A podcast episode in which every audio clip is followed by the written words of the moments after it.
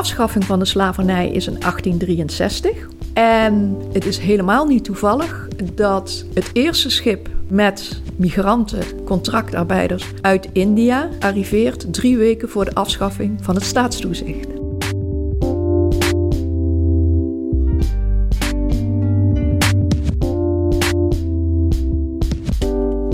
In dit themaprogramma van de Universitaire Bibliotheken Leiden duiken we in de Caribische collecties. In deze tweede aflevering vertelt Rosemarijn Hoefte over het zware leven van Javaanse arbeiders in Suriname.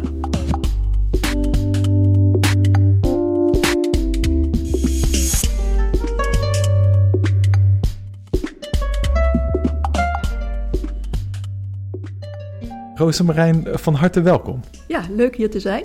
En uh, wij gaan het uh, hebben over Javaanse arbeidsmigratie. En daarvoor hebben we een aantal prachtige foto's voor ons liggen.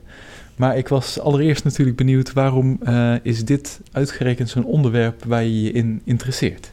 toen ik onderzoek ging doen naar Suriname, dat was in de jaren 80, toen had ik mijn onderwerp nog niet helemaal bepaald. En ik keek wat er wel geschreven was. En dat was met name slavernij op de plantages. En uh, marronage, het, het leven van de weggelopen slaven in het binnenland van Suriname. Dat uh, was een heel uh,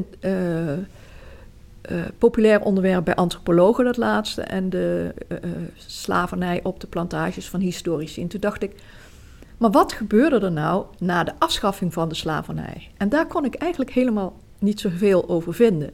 Dus toen ben ik op wat contractarbeid heet gestuurd. En dat is dus in feite dwangarbeid van Aziaten na de afschaffing van de slavernij. Want de plantages bleven natuurlijk nog wel gewoon bestaan. Dus um, dat systeem van slavernij, dat was met de, ja, de emancipatie van de slaven dus nog niet uh, zomaar voorbij. Om te beginnen zou ik het woord emancipatie eigenlijk niet willen gebruiken.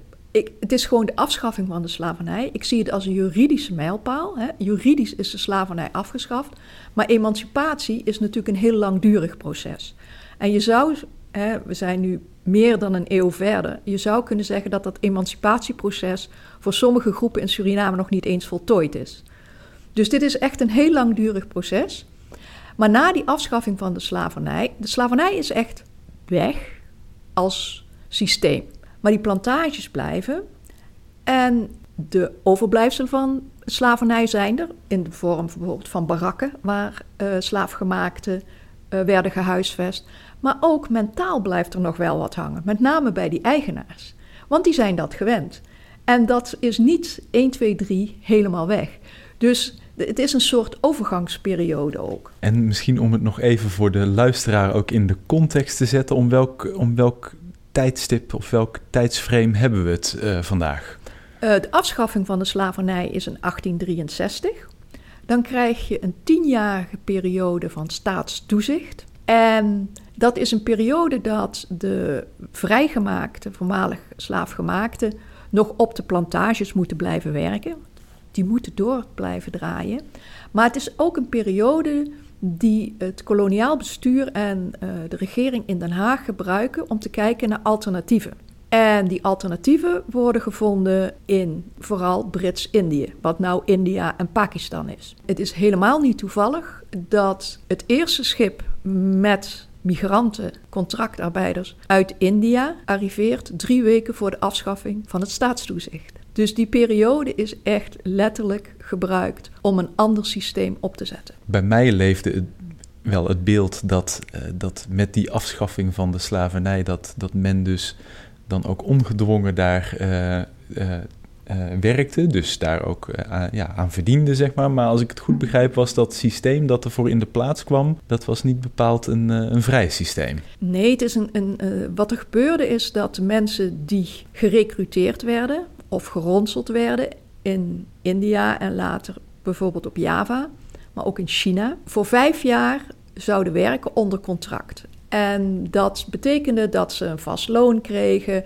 dat ze uh, bepaalde voorzieningen kregen, zoals huisvesting en medische zorg, maar ook dat ze niet vrij waren om te bewegen Ze mochten ook niet zelf hun werkgever kiezen. Ze werden toegewezen. En met het idee dus dat ze na vijf jaar weer zouden vertrekken. Dat is niet gebeurd. Maar het is dus een, het is een systeem, het is dwangarbeid. Nou, daar wil ik zo meteen heel graag nog wat meer over horen. Maar misschien is dit ook wel een mooi moment om onze eerste foto te introduceren, als dat kan. Nou, en we hebben hier dus uh, voor ons vijf uh, foto's liggen, die, waarvan een deel uh, door jouzelf geselecteerd is. Zou je daar misschien allereerst een, ja, een eerste foto van willen uitkiezen? Ja, dat is de foto van de aankomst van Javaanse contractarbeiders. dat is in de jaren 20 en ze komen aan op de waterkant in Paramaribo. Okay. En voor de mensen die Paramaribo kennen, dat is ongeveer bij de Waag, bij het restaurant daar. En het is zo dat ja, de, de luisteraar heeft de foto misschien niet voor zich.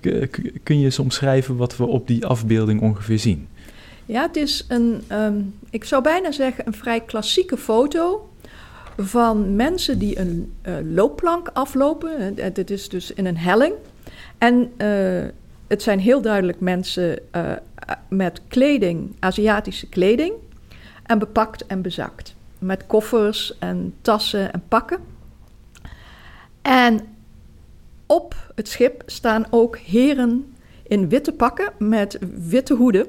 En die horen natuurlijk niet bij de migranten, want uh, zij zijn, omdat ze wit kunnen dragen, uh, meer de bureaucraten of de bestuurders. En op de kade staat in de camera te kijken een politieman met een witte helm, dus een tropenhelm. En dat geeft ongeveer het beeld uh, weer. Oké. En waarom heb je uitgerekend deze foto uitgekozen? Omdat ik een, uh, wilde laten zien of, of, wilde praten over van hoe het nou is voor deze contractarbeiders om in Suriname aan te komen. Want de meeste van deze contractarbeiders hebben totaal geen idee gehad waar ze naartoe gingen. Suriname was er natuurlijk helemaal niet zo bekend. En deze mensen zullen aangekomen zijn. En hier moeten ze gekeken hebben en gedacht hebben na een hele lange reis van waar zijn wij nu beland. Vertel eens, in wat voor systeem kwamen ze aan? Dus wat stond hen te wachten? Um, zij werden um, naar een migrantendepot gebracht. Dat is ook gelijk uh, de volgende foto. Um, en daar werden ze ge, uh, nagekeken of ze medisch in orde waren, of ze de tocht goed overleefd hadden. En daar werden ze door uh, het Surinaamse bestuur verdeeld over de plantages. Dus je kon niet kiezen naar welke plantage je zou willen, of wat voor plantage, of dat suiker of koffie of bananen was. Daar had je allemaal geen zeggenschap in. Het enige wat er wel gebeurde, en dat is een tegenstelling tot de tijd van de slavernij. Ze hielden gezinnen bij elkaar. Okay. Dus ouders konden niet gescheiden worden van de kinderen. Dus het gezin, als er een gezin overkwam, bleef het ook bij elkaar. Nou, je zei het al, er ligt ook een uh, foto van zo'n migrantendepot uh, of migratiedepot hier uh, voor ons op tafel. Dat is in een sepia kleur, zei je net al. En hoe ziet dat eruit? Dat um, is een niet heel erg goed onderhouden huis, als ik het zo zie op, op dit moment. Het is een, een beetje een, een schuurachtig gebouw. En daarvoor staat een grote, hoeveel, grote massa mensen. Die allemaal wachten op wat er nu gaat gebeuren. Dit, is, dit is waar ze tijdelijk worden ondergebracht, ze worden gehuisvest, ze krijgen eten. En dan worden ze verder verspreid over Suriname. En ze hebben natuurlijk geen idee wat, wat, wat de volgende stap zal zijn. Dus het is ook, denk ik, een, een zekere spanning. En je zei in het begin van het gesprek ook al dat het eigenlijk duidelijk in het verlengde lag van de slavernij, hè, die daarvoor op de plantages uh, plaatsvond. In welk opzicht is, het, is, het, is hier sprake van dwangarbeid?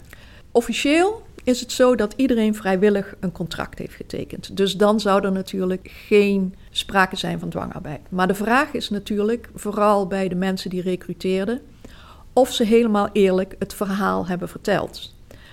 Heel veel migranten vertellen later, contractarbeiders vertellen later, ja, wij werden gelokt met mooie verhalen over Uh, we hoefden niet veel te werken, we zouden goed betaald worden, we kregen heel veel te eten.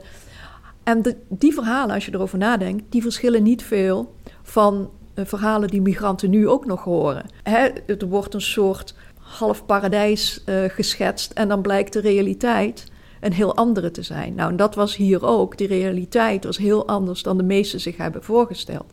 Er zijn ook mensen die vrijwillig zijn gegaan omdat ze de situatie in, uh, in hun eigen land wilden ontsnappen. Um, ruzies, schulden, uh, wat dan ook. Het, dat zal ook zeker aan de hand zijn. Maar je hoort ook echt heel veel verhalen van mensen die, die echt zich misleid voelden.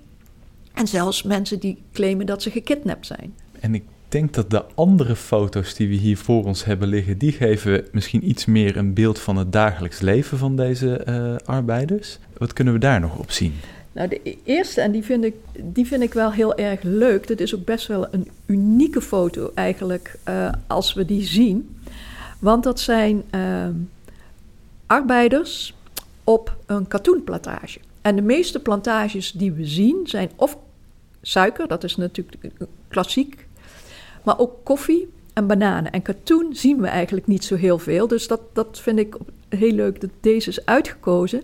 En je ziet hier twee vrouwen die katoen plukken en een opzichter die met de handen in de zij staat toe te kijken. Hij heeft laarzen aan, uh, want het kan nogal modderig zijn. En op zich, uh, dat is dat de meeste contractarbeiders die werkten op blote voeten. Hadden ook geen schoenen. En dat is nogal een, dat kan een uh, tricky business zijn in Suriname. Zeker als je bijvoorbeeld suikerriet kap, je moet om te beginnen eigenlijk, nu zouden we zeggen, je moet beschermd zijn, want als je met je houwer in je eigen of iemand anders raakt, maar ook er zijn, is ongedierte, er zijn slangen, er is van alles dat je niet direct zult zien onder het gewas zelf. Dus uh, dat, is, dat is één verschil tussen de, de arbeiders en, uh, en de opzichter met, met zijn mooie laarzen. En daar komt nog bij, Suriname is natuurlijk ook heel vochtig en kan heel regenachtig zijn. Dus de grond kan ook heel modderig zijn en zuigend. Nou ja, dan zijn een paar laarzen natuurlijk handig. Maar dat hadden de arbeiders dus niet. Dus je ziet daar ook al wel dat, dat verschil tussen nou ja, opzichter en arbeider, zeg maar. Ja, dat zie je hier heel duidelijk. En dat zie je ook, er zijn echt klassieke foto's van suikerplantages... waar de opzichters allemaal keurig in het wit... weer het laten zien van, ik, ik ga me niet vuil maken. En witte pakken en uh, de arbeiders die dan uh, in, in, in, hun gewone kloffie uh, werken. Waarom is het nou belangrijk om deze geschiedenis uh, bloot te leggen? Ik denk dat het belangrijk is, a, om aan te geven um, dat met het afschaffen van de slavernij het kolonialisme en de plantages niet voorbij zijn. Het, het, het systeem draait door. Het is anders, maar het blijft doordraaien. En ook omdat Suriname is wel een heel bijzonder land. Het ligt op op het vasteland van Zuid-Amerika. Is het kleinste land van Zuid-Amerika. Spreekt nog steeds Nederlands. Dat is al heel bijzonder. Maar de helft, of meer dan de helft van de bevolking, is Aziatisch van afkomst. En dat is natuurlijk niet wat wij direct denken, als, want nu horen we natuurlijk heel veel over Suriname en slavernij. En dit is het deel wat voor een heleboel mensen in Nederland niet zo bekend is. Maar er zijn dus nou, bijna 70.000 mensen naar Suriname gebracht. Op een relatief kleine bevolking in een hele korte tijd. Met een andere taal, een andere godsdienst, een andere cultuur. Die in dat systeem, in, in die kolonie zijn gezet. En dat is dus een hele dynamische, spannende situatie. Waar wij eigenlijk in Nederland helemaal niet zoveel weet van hebben het werkt in zekere zin ook nog door in de huidige Surinaamse samenleving, hoorde ik je volgens mij zeggen. Nou, natuurlijk werkt het door, want die mensen zijn er. Ja. En uh, wat er uh, gebeurd is, het, het, het, beleid van, van de kolonie was in het begin een beetje afwachtend, zoekend. Van hoe gaan we deze mensen opvangen? Maar het idee was, ze zouden na vijf jaar weggaan. En dan hoef je misschien niet zoveel. Toen was de discussie, moeten de kinderen bijvoorbeeld naar school? Nou, het was het argument, waarom zouden we ze naar school laten gaan als ze toch over vijf jaar weer weggaan? Kunnen we ons de kosten besparen? En blijven Nederlanders. Dus dan kun je dat volhouden. Maar op, op een gegeven moment, al eind 19e eeuw, gaat Nederland, in navolging ook van de Britse koloniën, zeggen van nou, misschien is de toekomst van de kolonie niet alleen de grote plantages, maar ook kleinere landbouw, dus boeren. En dan moeten wij de mensen die er nu zijn eigenlijk verleiden om in Suriname te blijven. Dat hebben de Britse kolonie ook gedaan. We gaan die mensen geld geven als ze niet teruggaan en we geven ze een stukje land. Nou, dat stukje land klinkt mooier dan het is. Dat was gewoon jungle in feite. Dat moest je helemaal nog klaarmaken, bouwrijp maken voor de landbouw. Maar dat was wel het idee van laat ze nou bijvoorbeeld rijst gaan produceren. Dat kunnen we dan intern voor de voedselvoorziening gebruiken, hoeven we dat niet meer te importeren. Op dat moment, als je dat doet, dan wil je dus dat die mensen permanent blijven. Dan moet je ook beleid gaan maken. Van hoe ga je die mensen opvangen? Wat verwacht je nou eigenlijk van ze? En dat beleid, dat heeft heel erg gezwalkt in het begin van de 20e eeuw. In welk opzicht? Eerst was het beleid Suriname is de twaalfde provincie van Nederland. Nederland had toen nog maar elf provincies, maar Suriname was de twaalfde provincie, christelijk, Nederlands sprekend en de Nederlandse wet volgend. Dus als je als bijvoorbeeld uh, immigrant uit Java of uit India verder wilde komen, dan moest je en christelijk zijn, wat bijna niemand was natuurlijk, want ze waren of hindoe of moslim. Je moest christelijk zijn en je moest Nederlands spreken. Wat ook een probleem was, want dat spraken ze natuurlijk ook niet. Dus het, er werd hun sociale mobiliteit werd enorm beperkt. En het is in de jaren 30 dat gouverneur Kielstra, die ervaring had in Indië, die daar bestuursambtenaar was geweest, die komt terug naar Nederland, uh, die Kielstra, wordt hoogleraar in Utrecht en wordt dan gevraagd gouverneur in Suriname te worden. En hij besluit het echt helemaal anders in te richten en gaat etnische zuilen organiseren. De verzuiling in Nederland, natuurlijk naar godsdienst of naar politieke voorkeur. In Suriname gebeurt dat naar etniciteit. Dus je krijgt een Hindoestaanse zuil of een Javaanse een Creoolse. Dat waren de afstammelingen van de voormalig slaafgemaakten. Allemaal, die, ze mochten hun eigen taal blijven spreken. Ze mochten uh, hun eigen cultuur uitdragen. Ze kregen hun eigen radiostations. Dus het was een, uh, in, zoals Kielstraat zei, het was de mensen in hun eigen cultuur laten. Maar de critici zagen natuurlijk iets, ook iets heel anders en dat is verdeel en heers.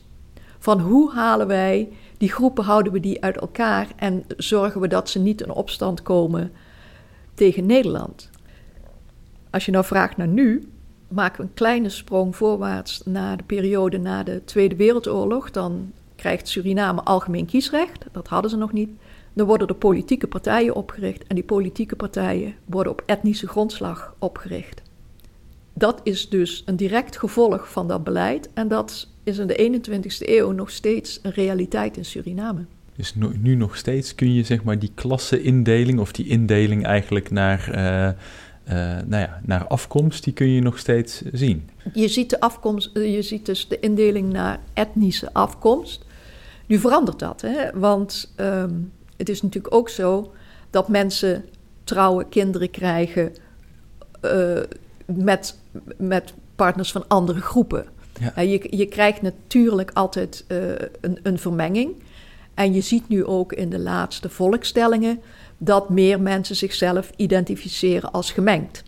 Van ik, ik ben niet meer Creool of ik ben niet Hindoestaan, ik ben gemengd. Ja. En dat zul je natuurlijk steeds meer zien. Dat is, dat is onvermijdelijk. In de, in de smeltkroes die Suriname is. Ja, Okay. En daar zijn ze ook heel trots op. Hè? Van, van wij komen van overal ter wereld, um, maar wij, zijn, wij leven samen in harmonie. Nou, dan hebben we nog twee laatste uh, foto's te goed. Wat daar opvalt is dat er een uh, onderschrift bij staat. Ja, en dat is ook um, is een andere periode. En dat is die periode waar ik het over had, van dat uh, de Surinaamse regering wilde dat mensen zouden blijven in Suriname om daar ehm, kleine landbouw te bedrijven. En hier zie je uh, Surinaams-Javaanse kolonisten op meerzorg. En dat is een, ik neem aan een gezin, met op zijn minst, uh, nou het zijn in ieder geval drie generaties uh, wat ik kan zien. Een oudere mevrouw en drie kleine, vier kleine kinderen. Okay. En dan nog uh, waarschijnlijk de ouders, kan, kun je natuurlijk nooit helemaal zeggen. En, en, wat, maar, is, en wat is meerzorg? Meerzorg is een, is een voormalige plantage. En steeds meer plantages worden ook verlaten, omdat ze niet meer rendabel zijn. En wat je ziet in, in Suriname is dat um, het, de grootte van het grondgebied voor plantages, dat blijft vrijwel gelijk, maar het aantal plantages vermindert aanzienlijk. Dus wat je krijgt is een enorme vergroting van de plantages die er zijn. En die worden helemaal gemechaniseerd. En de grootste plantage, Marienburg, dat heeft een treinsysteem. Dus dat, is, dat, dat zijn echt enorme ondernemingen. En Meerzorg is een kleinere plantage. En wat ze dan doen, is ze um, laten die kolonisten eerst even op plantages werken. Met het argument, dan worden ze getraind. Dan trainen we ze voor de landbouw. Maar dit is natuurlijk gewoon een, toch een arbeidsmacht voor de plantage. En dan gaan ze, uh, gaan ze voor zichzelf beginnen. En de tweede is een uh, Javaanse kolonistenhuisjes. Dus dat zijn weer die kolonisten, die kleine boeren. Op plantage Waterland. Nou, er zijn uh, ja, hier ook in de universitaire bibliotheken liggen dus best wel veel van die documenten en die foto's uit die tijd. Wat zou een onderzoeker zoals jij nou nog willen weten over die tijd, wat op dit moment misschien nog onvoldoende bekend is? Oh, er is nog een heleboel dat, dat, dat we zouden willen weten. Um, wat we eigenlijk hebben aan bronnen, dat zijn of overheidsbronnen, dus dat is geschreven door uh, de koloniale regering of de regering in Den Haag of de regering in Batavia. Dus dat is top-down. Dat is van bovenaf beschreven, dat is beleid. Ik heb voor mijn eigen onderzoek um, graag ook gebruik gemaakt van verslagen van missionarissen en zendelingen. En ook dat is natuurlijk een Euro eurocentrische blik. Want zij kijken er ook naar van... wij moeten deze mensen bekeren, ze zijn onbeschaamd. Maar wat ze wel doen, ze beschrijven ook veel beter dan die koloniale autoriteiten hoe het leven is op die plantages.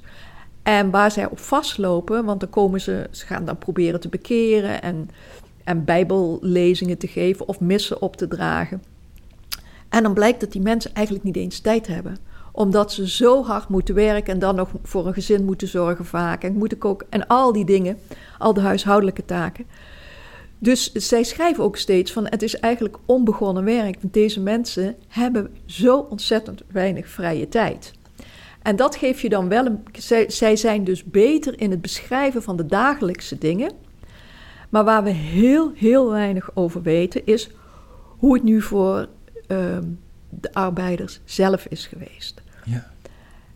Um, we hebben geen ego-documenten, dus mensen die dat zelf beschreven hebben, of die in die tijd toen geïnterviewd zijn. Dat, dat is er in de Engelse koloniën wel, dat is er bij, bij, in Suriname niet. En we merken als we uh, mensen interviewen van de tweede, derde generatie, en ook mijn collega's van de Stichting uh, Javaanse Immigratie, dat er vaak niets verteld is. Er is gezwegen over die tijd. Men heeft niet verteld omdat men het niet wilde vertellen, of misschien omdat men zich schaamde of uh, het ook niet meer wist. Of... Maar we weten in feite nog maar heel weinig. En het is wel zo dat in Suriname komen er nu nieuwe archieven die ontsloten worden. En dat zijn de archieven van de districtscommissarissen. Dus wat wij de gouverneur of de commissaris van de koning in een bepaalde provincie. Nou, die districtscommissarissen die zitten dichter bij het vuur dan, dan de hoge heren in Paramaribo. En die krijgen ook ehm, de moeilijke gevallen van mensen uh, waar klachten worden ingediend, klachten tegen planters, klachten tegen arbeiders. Dus die zitten toch dichter, en die gaan ook naar die plantages toe, die zitten dichter bij de praktijk. En dat zijn wel belangrijke bronnen. En die waren toen ik onderzoek deed nog niet beschikbaar. En die komen nu steeds meer beschikbaar. Dus er zit nog wel vernieuwing in. En is ook mogelijk. Maar die stemmen, ja, die zijn verloren natuurlijk voor altijd. Die, die hebben we niet meer. Want hoe groot is de kans dat er misschien toch nog een keer ergens een, een ego-document of een, iets uit de, de, eerste hand opduikt, de, de heilige graal uh, voor jullie onderzoek? Ja, je hoopt er altijd op. En, en je weet het niet. Ik bedoel, je, je kunt het nooit uitsluiten. Laat dit dan een oproep zijn, beste luisteraar. Mocht u uh, ergens op zolder nog een uh, prachtig document hebben liggen, laat het vooral weten. Nou, hartstikke bedankt dan voor deze uitgebreide toelichting en veel succes nog met het vervolgonderzoek. Dankjewel.